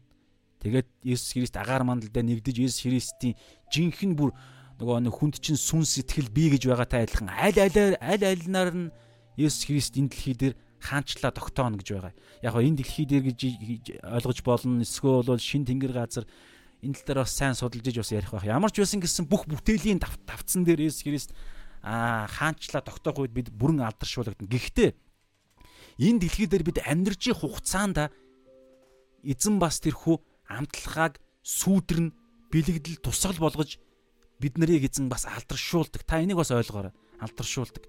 Гэхдээ энэ алдаршуулалтанд түрүү хэлсэн шүү дээ. Яг зөв замаар, зөв хандлагаар, зөв эзнийхээ дор зөв төлөв байдалтай явж их үед л яг л бурхны хамгийн зөв хэмжээнд л биднийг алдаршуулна. Энэ алдаршуулна бидний одоо юу гэдэг аа тэг бидний зориг биш байхгүй. Зүгээр шагнал маягаар нэмж өгж байгаа шагнал маягаар. Гэхдээ энэ нь хүртэл биднийг алдаршуулах байдлаар эзэн Есүс өөрөө алдаршаад Есүс алдарших юм бол Есүсийн аав болох илгээгч бурхан нь алдаршина. Хэлсэн шүү дээ. Бурхан Адам Ява хоёрыг Бурхан яах гэж бүтээсэн? Хүн төрлөختнийг яах гэж юу н анх бүтээсэн гэдэг дээр Бурхан өөрөө алдрыг авахын тулд гэж байгаа. Алдрыг авахын тулд. За энэ тэгээд ямар нэгэн байдлаар тэрхүү эдийн засагт болсон үйл явдлаас болж бүтлгүүцсэн гэж хэлэхгүй зүгээр аа саад орсон хугацаа нь удаашсан өөр төлөв байдал шилжсэн. Тэгээд тэр нь гим нүгэл орж ирсэн шүү дээ. Өхөл орж ирсэн. Тэрнээс болоод Бурхан аа өөрийгөө алдаршуулах тэр анхныхаа зорилгоо дахиад нэг өөр төлөв байдалд оруулсан нь өөрийнхөө дүр болох Есүсийг илгээгээд илгээсэн байхгүй. Тийм учраас Иохан 14-ийн 7 дээр байгаа. Та нар намайг харсан бол намайг таньсан бол эцгийг таньсан, эцгийг харсан гэж дагалдагч нартаа хэлж байгаа. Тэгээд ерөнхийдөө бол хаасаагүй Иохан дээр байгаа. Тэгэхээр Есүс алдарчих нь эцэг алдаршин. Тэгээд Есүс болохоор алдаршсан. Тэр нь хизээвэ гэхээр загалмай дээр. Загалмай дээр үхлээс амьлах үедээ алдаршсан. Дээш өргөхт үедээ 500 гаруй дагалдагч нартаа өөрөө харагдаад тэгээд дээшээ явж байгаа. Тэгэхээр Есүс алдаршсан. Гэхдээ энэ нь одоо энэ дэлхий дээр яах юм гэхээр итгэгч нараар нь дамжуулж бас Есүсийн алдрын тусгал энэ дэлхий цацраг байхгүй. Тэр утгаараа бид гэрэл давс гэдэг байгаа чинь тэр Есүсийн гэрэл яг л нарны гэрлийг сар тусгаад дэлхийг гэрэлтүүлдэг шиг шүн харанхуй үед гэрэлтүүлдэг шиг бурхан энэ дэлхий дээр яг одоо бол байхгүй шүү дээ. Яг одоо бодтой мах өдөр манай эртний тгээс 30 2 3 гэж ойролцоогоор ярьж байгаа тэр хугацаанд л бурхан яг бодтой мах өдөөрөө энэ дэлхийд байсан хугацаанд дээшээ өргөгдсөн оронд нь ариун сүнсээрээ дамжуулж өөрийнхөө хувилсан олон олон гэрлүүд болгож тэр нь бид нар тэгэхээр тийм утгаараа бид сайн үйлс зөвхт байдал Тэнгэрийн хаанчлалын тэрхүү онцгой дүр төрхөөрөө бид энэ дэлхий дээр амьдрах буюу хүмүүс харахтаа бидний сайн үйлсийг хараад нэг талаараа биднийг алдаршуулах тийм төлөв байдал илэрх байхгүй. Гэтэ тэр үедээ бид тэр алдрыг яг л сар шигэ ойлгоол дээшигээ Есүсийг алдаршуулна. Есүсийг алдаршуулахаар Есүс нь эцгээ алдаршуулж байгаа шүү дээ. Тэгээд тийм утгаараа аа Матай 5-ын за хэдээр байла 16 хавцаа байлуу хатар хавцаа байла аа байгаа. Та нарын сайн үйлс тэнгэрт эцгийг чинь алдаршуулахын тулд энэ бусдын өмнө тийхүү гэрэлтэх гэж байгаа. Сайн үйлс, зөвхт байдал, хайр, Есүс бүх зүйл Есүсээс Есүсээс л би ингэж алдар танд ингэж сайхан харагдаж байгаа юм. Би ингэж өөрчлөгд өөрчлөгдлөө танд ингэж тусалж гинэ гэдэг нь зөвхөн Есүс гэж хэлэх үед Есүс алдаршин. Тэгээд ингэж иймэрхүү урвал явагдаж байгаа шүү. Тэр утгаараа Есүс тухайн үед дагалдагч нар нь Есүсийг энэ хүү түрүүний Захария 9:9 дээр хэлж байгаа санааг бол ойлгоогүй. Гэхдээ алдаршуулахт үед нь ойлгосон. Тэгээ энэ дээр түрүү ингэж байгаа шүү дээ а илжигний дудран унаад Иерусалимд орж байгаа нь хоёр хоёр чиглэлтэй а хоёр зорилготой үйлдэл байсан байгаа байхгүй. Нэгдүгээр 500 тэ 500 орчим Есүсээс өмнө 500 орчим жилийн 500 гаруй жилийн өмнө хэлэгдсэн Захараа 9:9 дээр хэлсэн харагтун Сионы охиноо хаан ч нэлжигний дудран унаа та нар дээр ирж гинэ гэдэг энэ иш үзүүлгийг 500 жилийн өмнө хэлэгдсэн иш үзүүлгүүдийг энэ иш үзүүлгийг биелүүлэхийн тулд нэгдүгээр бичээсийг биелүүлэхийн тулд бичээс л хамгийн найдвартай Есүсийг Месиа гэдгийг баталдаг байхгүй юу? Йохан 5 дээр байгаа дөрвөн гэрч байгаа гэж байгаа. Дөрвөн гэрч Есүсийг Бурхны хүү аврагч гэдгийг гэрчилдэг. Энэ дөрвөн гэрч хамгийн хүн төрөлхтний түүхэнд ер нь бүтээлийн давцсан дээр байгаа хамгийн дээд дөрвөн хүч байхгүй юу? Дөрвөн баталгаатай их сурвалж. Нэгдүгээрт нэгдүгээрт буюу хамгийн бага нэгэ би над харагдаад байгаа юм. Нэгдүгээрт хүн төрөл эмэгтэйчүүдийн төрөхсдийн дундаас хамгийн агуу нь гэж Есүс буюу Бурхны тодорхойлсон Йохан Баптист Есүсийг Бурхны хүү ертөнцийн нүглийг үүрэгч Бурхны хурга, Бурхны хүү гэдгийг гэрчилдэг. За хоёр тэгээ үлдсэн гурав нь ерөнхийдөө гурвлаар оршигч Бурхны илэрхийллүүд байгаа. За зарим нь шууд утгаараа. Нэгдүгээрт сая хэлсэн Иохан Баптист хүн төрлөختний хамгийн агуу нь гэж хэлэгдсэн нэгэн хүн төрлөختнийг төлөөлж хүн төрлөخت нь чи энэ дэлхий дээр байгаа бүх бүтэлийн хамгийн дээд нь шүү дээ. Тэгэхээр хүн төрлөختнийг төлөөлж Иохан Баптист Хоёрдугаарт нь Есүсийн үйлдэлсэн гайхамшгүүд Есүсийг Бурхны хүү аврагч Месиа гэдгийг гэрчилдэг, баталдаг гэсэн. Гайхамшигуд нь тэр нь маш тодорхойн одоо энэ Лазар байгаа. Лазар аа маш хамгийн оргил нь. Тэгэхээр энэ гайхамшигуудыг цаана нь гурвуулаар гурвуулаар оршигч бурхны хэн байгаа вэ? Бид мэдэн штэ. Ариун сүнс бурхан. Матай 11 дээр ариун сүнсний хүчээр чөтгөрийг хөөн зайлуулахад фарисеучуд энэ чөтгөрийн ахлагч Белзебулээр чөтгөрийг хөөж ийн буюу Есүсийн дотор чөтгөрийн сүнс байна гэж хэлэх үед Есүс нэг үг алдартай үг хэлдэг штэ. Та нар намайг хүний хүүг доромжилж болно, уучлагдана. Гэхдээ ариун сүнсийг доромжилсан хүн энэ үед ч ирэх үед ч яасан ч уучлагдахгүй гэж байгаа. Тэр нь хамгийн баталгаатай илчлэлт өрлөг өгөөд байхад тэрийг хүлээж аваагүй хүн өөр ямар ч аврагдах юм байхгүй гэдэг санаа илэрхийлж байгаа байхгүй. Тэгэхээр тэр утгаараа Есүс бас нөгөө талаараа ариун сүнс энэ бүгдийг үйлдгээ гэж хэлсэн. Тэгэхээр чин Есүсийн үйлдэлсэн гайхамшиг Есүсийг Бурхны хүү Христ гэдгийг гэрчилж байна гэдэг чинь ариун сүнс Есүсийг Бурхны хүү Христ гэж гэрчилдэг гэсэн. За одоо үлдсэн 3 дугаар оршигч Бурхны үлдсэн хоёр нь үлдлээ. 3 дугаарт нь дөрвөн гэрчийн 3 дугаарт нь Иохан 5 дахь бүлэг дээр эцэг бурхан Матай 13, 14, 17 айл нэгт айл нэгдэнд байгаа Тэнгэр нээгдээ те энэ бол миний хайртай хүү түүнд миний таалал оршдог гэж хэлдэг. Тэгээ энэ үгний цаана ба зөндөө олон юм янз бүрийн олон илэрхийлэлүүд байгаа. Тэгэхээр энэгээр аа аа бурхан эцэг бурхан Есүсийг миний хүү гэж гэрчилсэн гэсэн. Тэр таалал оршно гэдгийг чинь цаана гимгүү хүнд л таалал оршдог байхгүй. Тэгэхээр гимгүү хүн нэгдүгээр хоёрдугаарт өөрийг нь төлөөлж энэ дэлхий дээр аврахаар ирсэн авралын загалмайн зориг Христ гэдэг санаач гэсэн цаана байгаа. Таалал гэдэг чинь цаана. Тэр утгаараа та бол Христ амьд бурхны хүү гэдгийг бас гэрчилж байгаа. 3 а дөрөвдүгээрт нь буюу 3 дугаар оршиж бурхны 3 дахь нь шүү дээ тий. Түр ариун сүнс бурхан, эцэг бурхан, одоо хүү бурхан үлдсэн. Хүү бурхан чинь Библиэлд юу гэдэг вэ? Иохан 1 дээр байгаа шүү дээ. Ихэнд үг байсан. Үг бурхантай хамт байсан. Тэгээд нэг Иохан 1:14 дээр та хэлж байгаа шүү дээ а тэрхүү үг нь бидний дунд оршин мах мах бодоор бидний дунд оршин бид түүний алдрыг нь харсан нэгүсэл ба үннээр дүүрэн алдар байлаа гэж ярьж байгаа. Үг нь мах бод болж бидний дунд оршилсан. Тэгэхээр үг байхгүй Библи. Тэгэхээр бичээсүүд хуучин гэрээний 39 ном бүгдээрээ тухайн үед чинь Библи Есүсийн цаг үед чинь 39 ном бүхий хуучин гэрэл байсан шүү дээ. Тэгэхээр хуучин гэрээ бүхэлдээ Есүс Христийг Бурхны хүү Христ гэдэг энэ хоёр ойлголтыг чинь гэрчилдэг.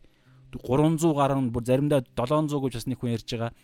Тэгэхээр асар олон хэдэн зуун гаруй тэрхүү иш үзүүлгүүд Есүсийг Христ Бурхны хүү гэж гэрчилдэг. Тэгэхээр ийм байдлаар тэр илжигний дудран унж Иерусалимд орсон чинь нэгдүгээр түрүүний энэ байдлаар асар олон энэ Библийн санааг чинь биелүүлсэн би тэр мөн гэдгийг харуулж байгаа нэг зорилготой. Хоёр дахь нь 94 Тэр нь юу вэ? Сая одоо энэ дэр 16-аас бүгд уншия. Шавнар нь үүнийг анхандаа ойлгоогүй ажээ. Харин Есүсийг алдарших үед энэ нь түүний тухай бичигдсэн байсныг мөн хүмүүс эдгээр нь түнд үйлцсэнийг санджээ. 17. Есүс Есүс Лазарыг булшнаас дуудаж үхөхстээс амьлуулах үед нь хамт байсан ард олон Есүсийг гэрчилсээр байлаа. За энэ энэ хүрээд нэг жоох юм яри.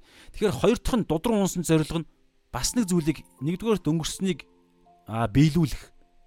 Хоёрдугаарт ирээдүг бэлэгдэх зорилготой байгаа даа байхгүй бэлэгдэж тэр нь юу юм Есүсийн хоёр дахь эрэлт хүртлэх энэ дэлхий одоо энэ чуулганы цаг үе гэж яриад байгаа нэгүслийн цаг үе гэж ярьж байгаа эцсийн цаг үе гэж ярьж байгаа энэ хугацаанд чинь Есүс Христийн эхний эрэлтээр хийсэн тэрхүү ажлыг Есүсийн төлөөлөгч нар болох а жижигхэн бяцхан бяцхан алдрыг нь тусган харуулах гэрэл давс болох энэ чуулган яг адилхан Есүсийн Иерусалим руу дудран унж орсон шиг энэ дэлхий дээр дудран буюу түрүү хэлсэн шүү дээ дудраны дудран илжигний дудрангийн зорилго бол илжигний зорилго бол инх тайвныг бэлэгдэлдэг амар тайван инх тайван тэр утгаараа Есүсийн дагалдагч нар буюу чуулган нь амар тайвны гэдэг энэ хайр амар тайвнаар энэ дэлхий дээр Есүсийн хаанчлал Тэнгэрийн хаанчлалыг тэлэх зорилготой байхгүй.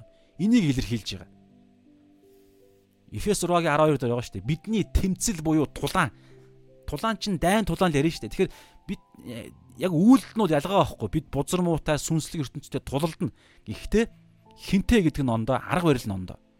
Хинтээ гэдэг нь Эфес 6-гийн 12 дээр бид мах цусны эсрэг бид тулалддаг. Харин энэ дэлхийн энэ дэлхий гэдэг дээр бол яалтчгүй энэ дэлхий. Бид энэ дэлхий дээр байгаа учраас энэ дэлхийн хүч захирагчд эрх мэдлэг гэж байгаа тогтолцоонууд. Тэгээд Тэнгэрлэг оршихуйдах ёрын муу сүнслэг хүчний эсрэг. Тэр бол чөтгөрийн хүчин ярьж байгаа. Тэр чөтгөрийн хүчний эсрэг бид тулалдана. Тулалдахдаа яаж тулалдах юм? Тэг хинтээ гэдэг нь бид сайн ярьлаа. Хүнд хүний эсрэг биш. Харин тогтолцооны эсрэг. Тэгээд тогтолцооны цаана өдөрдөж байгаа чөтгөрийн хүчний эсрэг бид тулалдана. Гэхдээ яаж? Эфес 6-гийн дээр 12-ын өмнө за 12-ын дараа нь байгаа тий. Дараа нь байгаа санагдаж байна. Бурхны хоёуг дуулга өмсөн шүү дээ. Тулаанд орохын тулд хоёуг дуулга өмсөн. Тэгэхээр ингээд баахан юм ярьж байгаа авралын дуулга зүвт байдлын авралын дуулга зүвт байдлын хуйг тэгээд үнний бүс тухай бүрд нь маш чухал чухал ойлголт байгаа. Итгэлийн бамбаа амар тайвны сайн мэдээний хоёр өрөөс нэг гуталчин хосон шүү дээ тий. Нэг хос нь нэг өрөөс нь болохоор амар тайван гэдэг илэрхийлэл нөгөөх нь сайн мэдээ. Энэ хоёр чинь нэг зорилгоор хамтдаа байж иж хол явна гэсэн үг, хөлийг хамгаална гэсэн үг, хөл аюулгүй бол хол явна, хаанчлал тэлэгдэнэ гэсэн үг шүү дээ. Тэгэхээр ийм зорилготой. Тэгээд хамгийн сүүлд нь сүнсний сэлэн болох бурхны үг гэж байгаа. Ариун сүнс, бурхны үг хоёр чинь нийлээд еврей дөрвдөр бол еврей 4:12 дээр бурхны үг бол хоёр талдаа эртээ. Бурхны үг бол те хоёр талдаа эртээ Бурхны үг бол итгэвтэй хүчтэй амьтай гэж байгаа. Тэгэнгүүтлээ хоёр талдаа эртээ гэж байгаа. Ямар ч зевсэг зевсгнээс илүү хурц бөгөө те а сүнс хүний дотор чинь сүнс сэтгэл гэж байгаа. Сүнс сэтгэлийн заагалдаг. А хүний одоо за одоо энэ гараа ирчтэй энэ эн чин болохоор те чөмгөн. За одоо энэ болохоор нуусна аахгүй юу? Нуусна. Тэгэхээр энэ энэ чөмгийг одоо энэ одоо өвдгөн дээр яаж болно те хүзүү мүзүү бүх үе мөчн дээр ярина штэ энэ чүмэг хийгээд нугсыг дундуур нь салтлна салгаж чаддаг цорын ганц тэрхүү амьтай итгэвтэй хүчтэй тэр зевсэг цорын ганц зевсэг итгэгч нарт байдаг.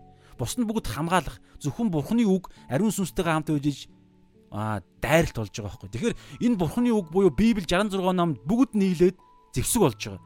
Гэхдээ тэгээд яг яаж тулдах юм? Библиэр Бурхны үг Бурхны үгээр мэдээж үгээр нь үгийг ойлгоод үгээр нь амьдрах юм байдлаар явна. Гэхдээ Библийн үг ерөөдөө юу хэлдэг гэхээр аа ганц үгээр хэлж болдог шүү дээ. Хайрлах гэдэг үг. Хайрлах. Амар сонио. Тулаан гэсэн мөртлөө хайрлж тулдаг. Яагаад вэ гэхээр бид мах хүн төрлөختнийг нь бид хайрлах үүрэгтэй. Хүнийг хайрлах үүрэгтэй. Гэхдээ хүнийх нь дотор нь байгаа чөтгөрийг нь бид ялах хэрэгтэй байхгүй юу? Чөтгөрийг нь бид эсэргүүцэх хэрэгтэй, тулдах хэрэгтэй.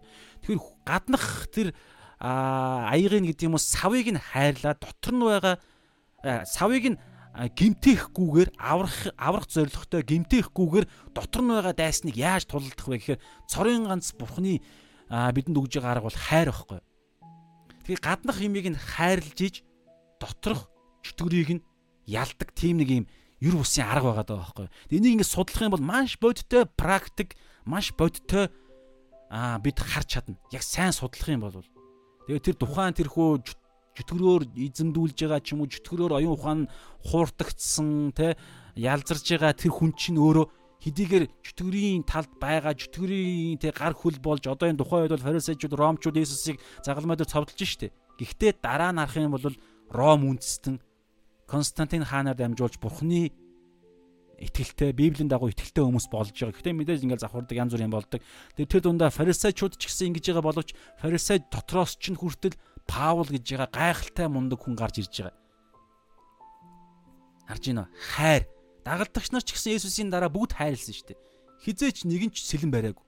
Бүгд үхээд үхээд дуусч байгаа. Хайраар.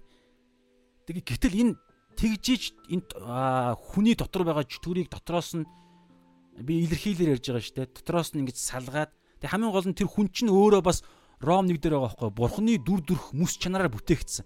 Тийм учраас хайрлах гэдэг нь аргаар л яаж байгаа вэ гэхээр тэр хүн дотор тэр хүн чинь хүртэл өөрөө бурхны мэс чанар нь тэр хайртайгаа нэгдээд дотроо байгаа ямиг өөрөө эсэргүүцэж байгаа байхгүй. Хайр тэрийг нь боломжийг өгж байгаа. Тэгэхгүй бол аа чи жүтгэрийн ажлыг хийж нэг бол нөгөө хүн чинь жүтгэртэйгоо нийлээд итгэгч нар руу дайрна штэ.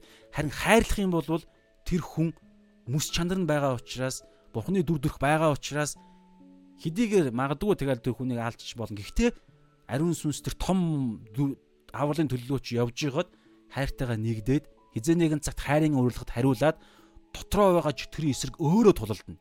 Бид тулд чадахгүй шүү дээ. Гэхдээ бид хайрлж иж тэр хүнийг өөр юм болгоно гэсэн санаа зүгээр ихний байдлаар илэрж байгаа. Тэгэхээр иймэрхүү байдлаар тэрхүү дудран унж байгаа, унж орж ирж байгаа чинь өнгөрснийг хар ярьсан дөрөв ирээдүйн бас юм багхгүй. Инх тайвны аргаар, хайрын аргаар л энэ дэлхийн ертөнцийг эзэлж авна гэдэг ойлголт байгаа. Гэхдээ хайр гэдэг чинь өөрөө янз бүр. Есүс энэ дээр амьдрахдаа те хайрлж амьдрсан. Гэхдээ хайрлсан зарим үедээ шударгаар байсан шүү дээ. Шударгаар хэл хөвгөө хэлсэн. Гэхдээ бидний хувьд бол те Есүс шиг байж чадахгүй шүү дээ. Тийм учраас бид яаж бурууд яаж бид бусдаар гүтгүүлж сурах вэ? Юу гэдэм бэ? Бусад хүмүүс намайг гүтгэх үед бид яаж аа гүтгэлгийг авч дааж сурах вэ гэдгийг тэр нь илүү чухал байгаа даа. Яагаад гэвэл хүн төрлөختөн чинь дэлхийн ертөнд зугаасаа бид амар шудрагаас ярьдаг штэ. Өө юм байхгүй. Аа чи тэгсэн ингэсэн гал би хүртэл ингээл те бид бүгдээрээ юм байгаа. Гэтэл хайрлна гэдэг чинь бидний юуд хамгийн чухал нэг байгаа байхгүй. Харин хайр нь үнэхээр том байгаа цагт энэ үед яг хизээ яаж шудраг ёсыг тогтоох вэ гэдг нь яг одоо энэ Есүс товлсон цагтаа л тэг шүүхээр эрэхтэй адилхан бид товлсон цагтаа л шудраг ёсыг тогтооход тэнд хайрын доторх шудраг ёс тогтох боломжтой байгаа байхгүй. Тийм учраас зүгээр яг ер нь ингээл юу гэдэг Монгол чуулган ч юм уу ялгаа байхгүй. Миний дотроос хүртэл илэрдэг байхгүй. Ингээл шудраг ёс ингээд энэ тэгээд энэ библийн үгийг ингэж зөрчиж чинь манай пасторууд ингэж зөрчиж чинь ахлагч нар ингэж зөрчиж чинь бид өөрсдөө ингэж библиэ зөрчиж чинь гэл нэг юм шудраг ёс ярихад нөгөө нэг хов ярихтаа бид нар ингээд дуу дуугаа авалцаал ярьдагтай адилхан чуулган дотор хүртэл бибинээ шүүхэд дотроос ингээд нэг юм хамттай нэг юм балер ийм мэдрэмж байгаад байдаг штеп. Гэтэл тэр чинь амар аюултай байгаа байхгүй. Бид тэрийг мэдрээд байгаа. Манай найз хүртэл надад хэлж ирсэн юм. Өнгөрөөж, буруутан болж өнгөрөөж сурах нь маш чухал байна гэдэг юм дээр яриад байгаа байхгүй. Би тухайн үед харин тийм ээ гिचингүүтлээ ингээд харин тийм ээ тэрийг ойлгоод байна л та. Гэхдээ бид нар гээл ингээд нэг юм яриад байгаа байхгүй. Ягаад гэвэл тэр хайрлах гэдгийн хүчийг бид нар өөрийн мэдлгүй би өөрийгөө зөвшөөрж байгаа шүү. Өөрийн мэдлгүй бид нар нэг юм романтик хайртай андуураад зүгээр ингээд нэг юм бууж өгдөг нэг юм өчүүхэн дорой юмтай андуураад байгаа байхгүй.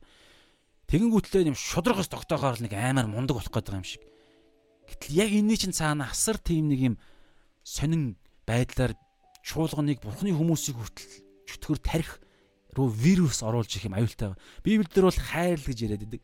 Гэтэл тэрийг тэр хайрын цаана байгаа хүчийг нь ойлгож ижил бид нар ерөнхийдөө өө шудраг яснаас чинь илүү шудраг илүү үр дүнтэй илүү бүр байгаа онсон тулаан хийдэг юм чинь хайр юм байна гэдгийг бүгдээр ойлгохыг хичээцгээ гэдэг ерөнхийдөө бас хэрэгжүүлэлт гаргая гэж бодож байна.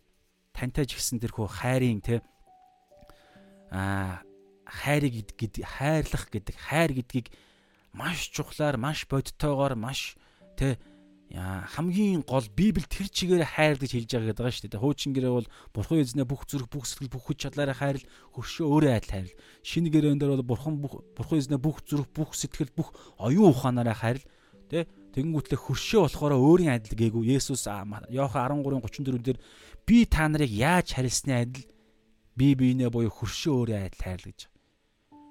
Тэгээ энд л бүх хууль болоод иш үзүүлэгчд байна. Эн чинь л бүх зүйлийг цаана байг зангилаа байна гэж бурхан хэлээд байхад бид нарт Харин тийм ээ хайрлалаа. Гэхдээ гэж яагаад нэг өөр зүйл рүү ингэж яваад байгаа нь бид нар байгаа он чадахгүй байгаад байгаа юм болов уу гэсэн бас тийм мэдрэмж байн төрж байгаа.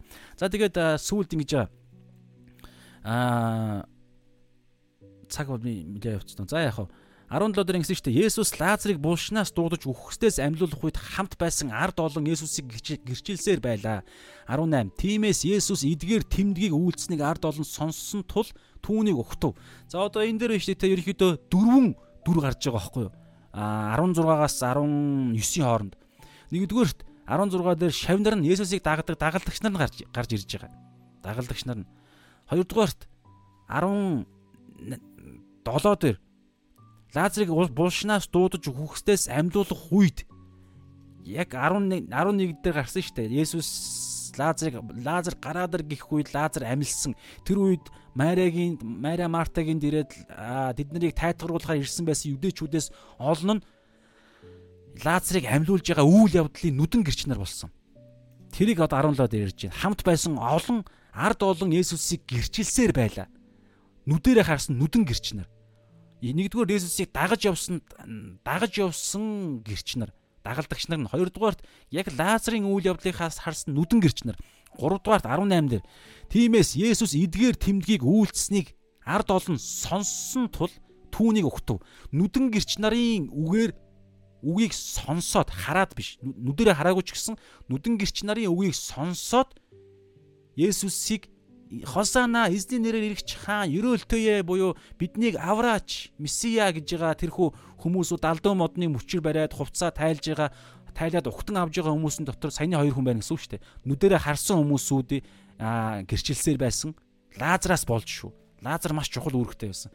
Хоёрдугаарт нь тэдний гэрчлэлийг сонсоод бас хүүх та нар ийм болноор харсан юм уу? Тэгвэл гарцаагүй үний юм бэ. Тэгвэл аа Есүс яахааргүй бид нарыг ромчуудаас аврах месиа муу юм байна гэдээ ирж байгаа харангуутлаа далдуу модны мөчр бариад хосаана гэж хашгирж исэн сонссон гэрч нар.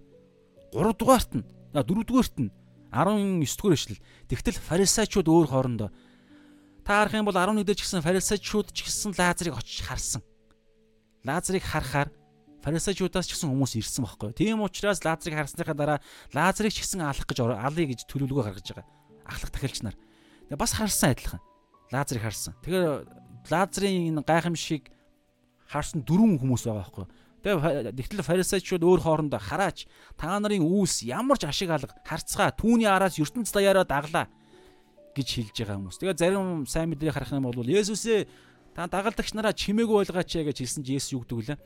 Аа эднэр дагалдагч нар маань чимээгүй байвал чулуунууд чулуунууд хүртэл намайг алдаршуулах болно гэж хэлдэг. Энэ дөрвөн гэрч. Тэгээ энэ дөрвөн гэрч нар байна шүү дээ. Бүгд ингээд ям зүрийн байдлаар Есүсийн хийсэн тэмдэг гайхамшиг Есүсийн хэн болох талаар янз бүрийн байдлаар ингээд дөрвөн үнцэг байгаа. Тэгээ энэ дундаас нэг ийм дагалдагч нарынх нь онцлог байгаа даа байхгүй. Дагалдагч нар болохоор Есүсийг тухайн үед яагаад дудран унж байгаа, яагаад загалмай дээр үххийг нь ойлгоогүй. Тэгсэн мөртлөө дагаж явсан. Аа нөгөө хэд нь зарим нь дайсагналцаж Есүсийг алсан, зарим нь Есүсээс урвсан, зарим нь бүр сүүлд нь айгуул дагсан байх. Харин дагалдагч нар нь байн хамт байсан. Гэхдээ ойлгоогүй. Эндээс нэг юм байгаа байхгүй. Бид нар Есүсийг дагах нь амар чухал. Дагах нь чухал. Мэдээж ойлгохын тулд Библийг уншаад судлаад те ингэж ойлгож унш судлах нь чухал. Маш чухал. Яагаад итгэл нь Христийн үгээр итгэл нь сонсохоос сонсох нь Христийн үгээр ирнэ гэж байгаа шүү дээ. Тэгээд Христийн үг чинь өөрөө номлогдож, тайлбарлагдаж, судлагдж ижил бид Христийн үгийг зөвөр нь ойлгож сонсно. Тэгээд дараа нь итгэл бий болно шүү дээ. Тэр утгаараа Библийг судалж, номлол сонсох нь маш чухал. Гэхдээ энэ нь гол зүйл биш, дөнгөж ихнийх нь аахгүй юу? Гол зүйл юусоо биш. Гол зүйл чинь Есүсийг дагаж амьдрах буюу итгэл, итгэлийг л бий болгох зорилготой итгэсээр байна гэдэг үгээ сайхан нэг хуваалцсан те итгэсээр байж ижил аврагдсаар байна. Тэгэхээр итгэсээр байхгүй нэг үед ирээд зогсох юм бол аврал байхгүй болно гэдгийг Библи ярьдаг байхгүй. Библийн амлал чинь ийм итгэлийн итгэл төрөгдөг аврал Библийн дагуух итгэл чинь ийм л юм ярьж байгаа. Үргэлж эцсээ хүртэл итгэсээр л байх. Тэгж ижил барайнд орж иж уралдаанаа дуусгаж иж авралын ялалтын титмийг өгнө гэж илчилт номон дээр байгаа дунд нь зогсохгүй. Тийм учраас байнга итгэсээр. Тэгээ энэ гол юм нь ингэж байнга итгэсээр байгаа юм чинь дандаа бид нарыг нэг алдраас дараагийн алдарт, нэг итгэлээс дараагийн итгэл бид нарыг ингэж барьж байгуулдаг. Ингээд ирэхээр бид ингээд нэг зовлонгоос дараагийн зовлон хүрт ингээд ингээд туулаад ирэхээр бид дуршлагчдаг зовлон зүдгүүрэн төвчээрийг төвчээр нь дуршлагтай байдлыг дуршлагтай байдал нь за найдварыг буюу тэрхүү зан характерыг бий болгоно. Тэгээд тэр нь бидний зан характер найдвартай байдал нь бид нарыг урам хугалдаггүй гэж байгаа. Бүр ингээд биднийг бүр ингээд гайхалтай тэрхүү төлөвшсөн байдалд аваачиж байгаа байхгүй. Тэгээ энэ зүйл энэ төлөвшсөн байдалд хүрэгдэг зүйл чинь зовлон байгаад байгаа байхгүй. Зовлон нэг талаараа нөгөө талаараа өдөр болгон итгэлээр алхахаас аргагүй байдалд оруулдаг тэр нөхцөл байдал чинь биднийг энэ дэлхий дээр үргэлжлүүлэн тулалдаж ялж явах гол аа бэлтгэл чинь тэнд байгаад байгаа байхгүй.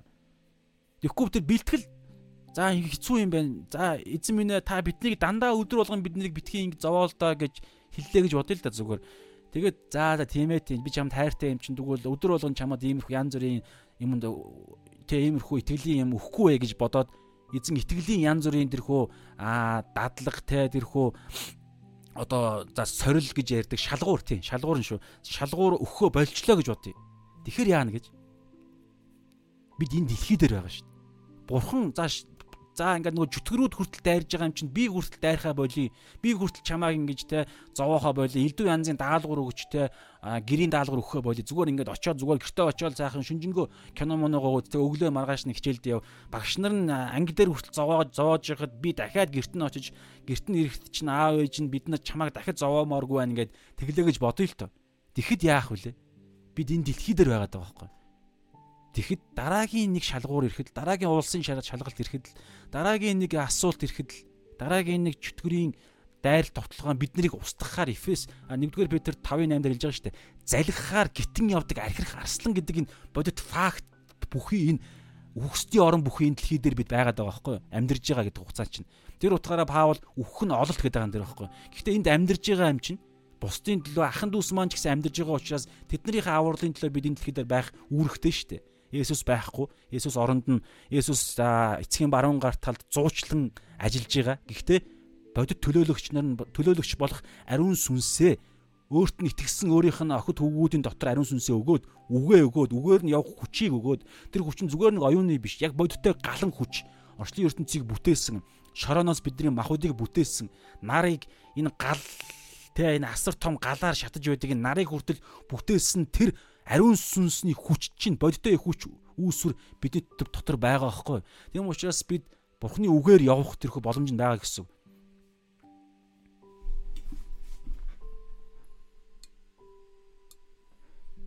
Аа дундуур наслаа. Тэгэхээр ийм юм ярьж байгаа. Тэгэхээр ингэж аа Са юу ярьж ялаа? Гид дундуур нэг юм орохоо шууд ингээл сатарж шүү. За энэ жоохон нэг ганц нэг юунууд нь ингээд жирэлзээд эхлэх байх. Уг нэг юм тохируултын. За би тохируулчт юм уу?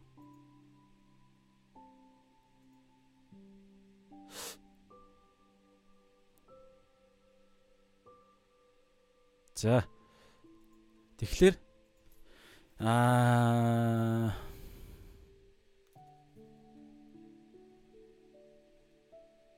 та бас санахтаа бас миний төлөө залбирж өгвөл талах юм шүү. Одоо ингээл гинт гинт ямар нэгэн байдлаар ингээл ямар нэгэн болоход нөгөө ярьж байгаа зүйл маань мартагдчихад байгаа байхгүй юу. Тэгэхээр бас аа ой тогтоолтын төлөө те оюун ухаан юу гэдүүлээ нөгөө нэг санах сэрх зүйлээ алдахгүй байхын төлөө бас та миний төлөө залбирж өгвөл талархах юм шүү. За ачхрах.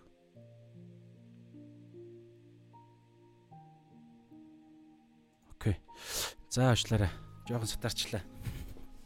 За тэгээд санийхаа юг харъя. Аа дөрөв дөх фарисеучуд яриад байгаа шүү дээ. Тэгээ фарисеучуд дөрвөн хүн байгаа. Тэгэхээр эдгээр дөрвөн хүмүүсүүд маань ингээ янз янз байгаа. Тэгээ хамгийн гол нь дагалдагч нар дээр ярьж байгаа. Дагалдагч нар маань тухайн үедээ ойлгоогүй ч гэсэн Есүсийг үргэлжлүүлэн дагаж явсан.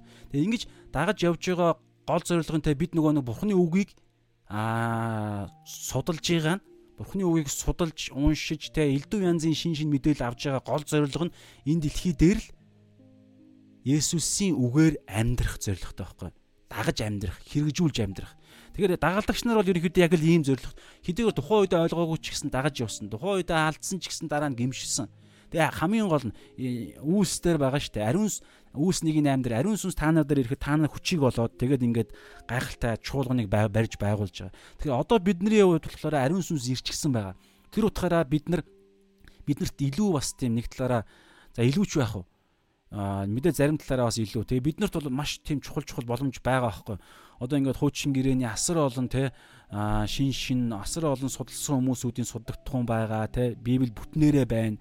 Тэгээд ариун сүнс байна те тэгээд чуулганы энэ цаг хугацаа байна. Тэгэхээр бид нар бол бүр илүү одоо юу гэдгийг а олон зүйлийг ойлгох боломжтой боломжтой юм шиг надад санагддаг. Гэхдээ 12-ыг яасан ч гүцэхгүй шүү дээ. Бид нар ч юм уу маш бодиттой Библийн онцгой а 2 дугаар Тимот 3:16 дээр хэлсэн дагуу бол онцгой ариун сүнсний тэрхүү амьсгал тэдэнд байгаа. Тэгэхээр бид нар ч гэсэн адил уг нь бол ялгаа байхгүй. Адилхан ариун сүнсээр ингэж явж ийж те тэр гайхалтай ялалтын амьдрал хийх боломжтой. Тэр бүгд нэр ерөнхийдөө бол яа идөө а дүгнээ залбираад өндөрлөе. Цаг маань ч гэсэн ерөнхийдөө боллоо. За тэгэхээр товчхон дүгнэт хий. Тэгэхээр ерөнхийдөө ингэж байгаа Надад бол яг гол анзаарэгдэж байгаа юм бол ерөөсөө яг л тэрхүү Захария 9:9 болон 15 дугаар ишлэлээр байгаа те хаан ч дудран унаад ирж байгаа эндээс түрүүн би нэг ерөнхий зураг харахад хуучин гэрээний тэрхүү иш үзүүлгүүдийг биелүүлэхээр өөрийгөө аврагч месиа гэдгээ баталгаар ирсэн. Тэгээ тэр аврагч месиа нь ямар аврагч месиа вэ гэхээр инх тайвны хайрын арга замаар сатааны бузар муугийн харанхуй үхлийн үхэл ноёрхож байгаа энэ дэлхийгээс ард түмнээ Бурхны төөрсөн хонь сүргүүдийг аврах зорилготой. Ингэх нь хайраар дамжуулан. Тэгээ ариун сүнс, тэгээ эзний тэр хүүгээр дамжуул энэ бүгдийг хийн. Тэгээ бас нэг зүйл нь сайн нөгөө нэг ойлгохгүй байсан ч гэсэн дараа нь ойлгосон. Алдаршуулгацсны буюу үхээд амилсны дараа ойлгосон. Ариун сүнс ирэх үед бүрэн ойлгосон. Наан гол нь ойлгоогүй байгаа. Гэхдээ ойлгоогүй байхтай хүртэл бид дагсаар байх гэдэг юм байгаад байгаа байхгүй. Энэ маш чухал байгаад байгаа. Одоо ингээл бидний найз нөхөд ахан дүүс олон ах эгч нар ялгаа байхгүй бид олуулаа ингээл чуулгант төр явж байгаа энэ дунд чинь ингээл та хизээ итгэсэн ямар байдлаар итгэсэн те тэгэл итгэхдээ ямар төлөв байдалтай байсан байснаас шалтгаалаад бид Тэнгэрийн хаанчлалын талаарх үннүүдийг Библийг ойлгох ойлголтын төвшин янз бүр штэ. Тийм болохоор зарим нь бидний заримынх нь ойлгосныг нь зарим нь ойлгоогүй байдаг. Тэгээд тэгсэн мөртлөө адилхан тулаанд орж байгаа адилхан энэ дэлхий дээр амьдарч байгаа. Магадгүй бүр илүүч тулаанд орж иж болно. Яагаад вэ гэхээр магадгүй илүү олон жил энэ дэлхий дээр амьдэрсэн. Манай нэг өмнө явдаг байсан цуглааны ах тэгдэг байсан байхгүй. Та нар ерөөлтөө яагаад вэ тэгэхээр одоо ах нь бол олон жил энэ дэлхий дээр амьдэрсэн. Миний гимнүг бол та нарын гимнүглээс илүү олон штэ гэдэг юм ярьдаг. Тэгэхээр тухайн үед яалаа гэж ах минь гэж ярьдаг байсан боловч яг ингээ бодохоор олон жил ах бол 50 гаруй насны ах аахгүй. Тэгэхээр Тэгэхээр тэр олон жил амьдэрсэн хүний хувь тэр оюун ухаан гэдэг юм яриад байгаа байхгүй. Яг яг гин нүглийг ярихаас илүүгээр тэрхүү оюун ухааны тэрхүү бодлын тогтолцоо ертөнцийг үзэх үзэл тэр зүйлээсээ шалтгаалаад миний бодлоор хуучин зүйлээ тавихад магадгүй зүгээр аливаа арай илүү хэцүү байд юм болов гэсэн тийм мэдрэмж байгаад байгаа. Тэр утгаараа тийм мөртлөө тийм бүр тийм хэцүү байгаа. Тэгээд дээр нэмээд Библийн шин нэмийг ойлгоход чинь та ингээд илүү магадгүй барилдах илүү одоо тэ ингэж нухах шаардлага гардаг байж магадгүй. Тэр утгаар хэлэх гээд байгаа санаа нь тийм байсан ч гэсэн дагсаар байгаа байгаарэ гэж урамшуулах хүсэж байгаа байхгүй юу? Яг энэ дагалдагч нар шиг тухайн үед Есүсийг хараад Есүс яагаад илжиг унсан? Яагаад загалмаад өгч байгаа ойлгоогүй. Гэхдээ алдаршуулгдсныхын дараа буюу товлсон цагта үүснийг нь амар ариун сүнс ирэх үед тэдний нүдэн нээгдэж байгаа байхгүй. Товлсон цаг гэж байгаа. Тэр цаг цагийг төвчээртэйгээр эзний товлсон цагийг хүлээх гэдэг дуу байгаа шүү дээ, тэ. Хүлээгээж тэр үеийг тэ түүний хүсэл биелэгдэл хүлээгээрээ тэ ингээд дуу байгаа дээ. Тэр тэр товлсон цагт хүртэл найдах итгэл биднэрт бас чухал байна гэдэг юм. Бас бүгдээ урамшуул тэ урамшуул бие биенээ урамшуулъя өөрсдөө бас урамшуулъя өөрсдөө урамшуулъя хамгийн гол нь. За тэгээ залбираад өндөрлөө. Энэ зэмнэ энэ цагийн төлөө талархъя тэгээд а өнөөдрийн цагаар дамжуулан эзэн та яг одоо энэ өнөөдрийн хэсгээр дамжуулан маш чухал зүйлийг харууллаа эзэн. Та болвол энэ дэлхий дээр инх тайвны амар тайвны хаанчлалыг тогтоосон. Гэхдээ тэр амар тайвны хаанчлал өөрөө маш чухал, маш аюултай, маш сонор сэмжтэй байдал шаардсан сүнслэг тулаанд байгаа. Ингиж тулалдахын тулд бид байнгын сонор сэрэмжтэй сонор сэрэмжтэй буюу ариун сүнсээр явах, байнгын эрүүл ухаан буюу бурхны үгээр явах. Тэгээ ингэж явахдаа Есүсийг амьдралынхаа эзнээ өдөр болгон Есүсийн загалмайгаар өөрийгөө үгүйсгэж Есүсийн загалмайгаар загалмайгаа өрөөд Есүсийн загалмаа явсан тэрхүү замаар мөрөөр нь явж ижил бид энэ тулаанд ялна. Бид авралаа гүйцэлдүүлнэ. Бид авралаахаа дитмийг шагналаа барайнд орохдоо авна дунд нь зогсвол бид аврал авахгүй ийм юм яригддаг байзаа. Тэм учраас эцсийг хүртэл төвчиж эцсийг хүртэл амьдралынхаа эзнэг Есүсээ болгож эцсийг хүртэл бид итгэлээрээ алхаж ижил энэ хүү аврал нь яригдана. Яагаад ийм хатуу ярьж байгаа вэ гэхээр бид эцсээ хүртэл бид нарыг тавихгүй бузар муугийн махуудын сорилт довтлогоо бид нар руу дайрсаар байгаа учраас 1-р Петр 5:8 дээр бид нарыг залхахаар арслан гитэн явсаар байгаа учраас эцсээ хүртэл сэрэмжтэй сонор сэрэмжтэй байж ижил аврагдана гэж ярьж байгаа. Тийм учраас эзэн үүний тулд эзэн таваас өнөөдрийн үгээр дамжуулан а инх тайвны бэлэг тэмдэг болсон илжиг унж та Иерусалимд оржээ. Яг үүнтэй адилхан бид нар ч гэсэн Библийн үгээр ариун сүнсээр явах дуудлагатайгаа харлаа. Тэгээ тань талархын эзэн дараагийн цаг хүртэл эзэн бид нарыг та сонор сэрэмжтэй эрүүл ухаантай байхад та биднийг удирдаарай эзэн. Хамгийн гол нь үүний тулд бид өөрсдөө шийдвэр сонголтоороо өдөр бүр өөрийгөө үгүйсгэх үйлдэлийг хийж загалмайгаа үүрэх үйлдэлийг хийж амьдрах ёстой гэдгийг бас санаж байна Есүсийн нэрээр амен. За хамт байгаа байсан хүмүүстээ баярлалаа. Тэгээ дунд нь бас нэг нэг юм ярьж байгаа дунд нь нэг түрүүн саатсанд хүлцэл өчий. Тэгээ дараагийн байд дараагийн цаг дээр бас аль болох а сайн залбиралтай бас аль болох ярьж байгаа зүйл дээрээ төвлөрж ярихыг хичээнэ. Та бас санах бүрдээ залбирж өгөөсэй гэж хүсэж байна. Тэгээд аа миний эрүүл мэндийн төлөө бас залбирж өгч байвал талархах шүү. Мэдээж бас хангамж бол байнга ирдэг те. За тэгээд дараагийн цагаар дахин уулзтлаа. Түр баяртай. За комент хэсэг дээр ямар нэгэн асуулт масуулт юм байна уу? Байх гайгүй шиг байна те. Хамт байгаа хүмүүстээ баярлалаа. Бүгд амийн гэдэг үгээр. За энэ үлзэж жаргал инх жаргал инх жаргал гэдэг хүн Даниэл 9:23-аар орж ирж байна те. Тэг Даниэл 9 дээр түрүүн ярьсан нөгөө гайхалтай Месиягийн он жилийн тооцоолсон хугацаас яригдж байгаа те Даниэлийн залбирлын дунд. За тэгээд дараагийн цагаар дахин уулзлаа түр баяртай шалом. Өдрийг үргэлжлүүлэн эзнийхээ дотор үргэлжлүүлээрэй. Яг одоо ажил дуусаад гэртээ харих энэ үед ч гэсэн бид яг одоо сонор сэрэмжтэй эрүүл ухаантай байх үе шүү дээ. За тэгээд танд амжилт хүсье. Үргэлж эзний үгээр эзний сүнсээр алах болтугай. Шалом.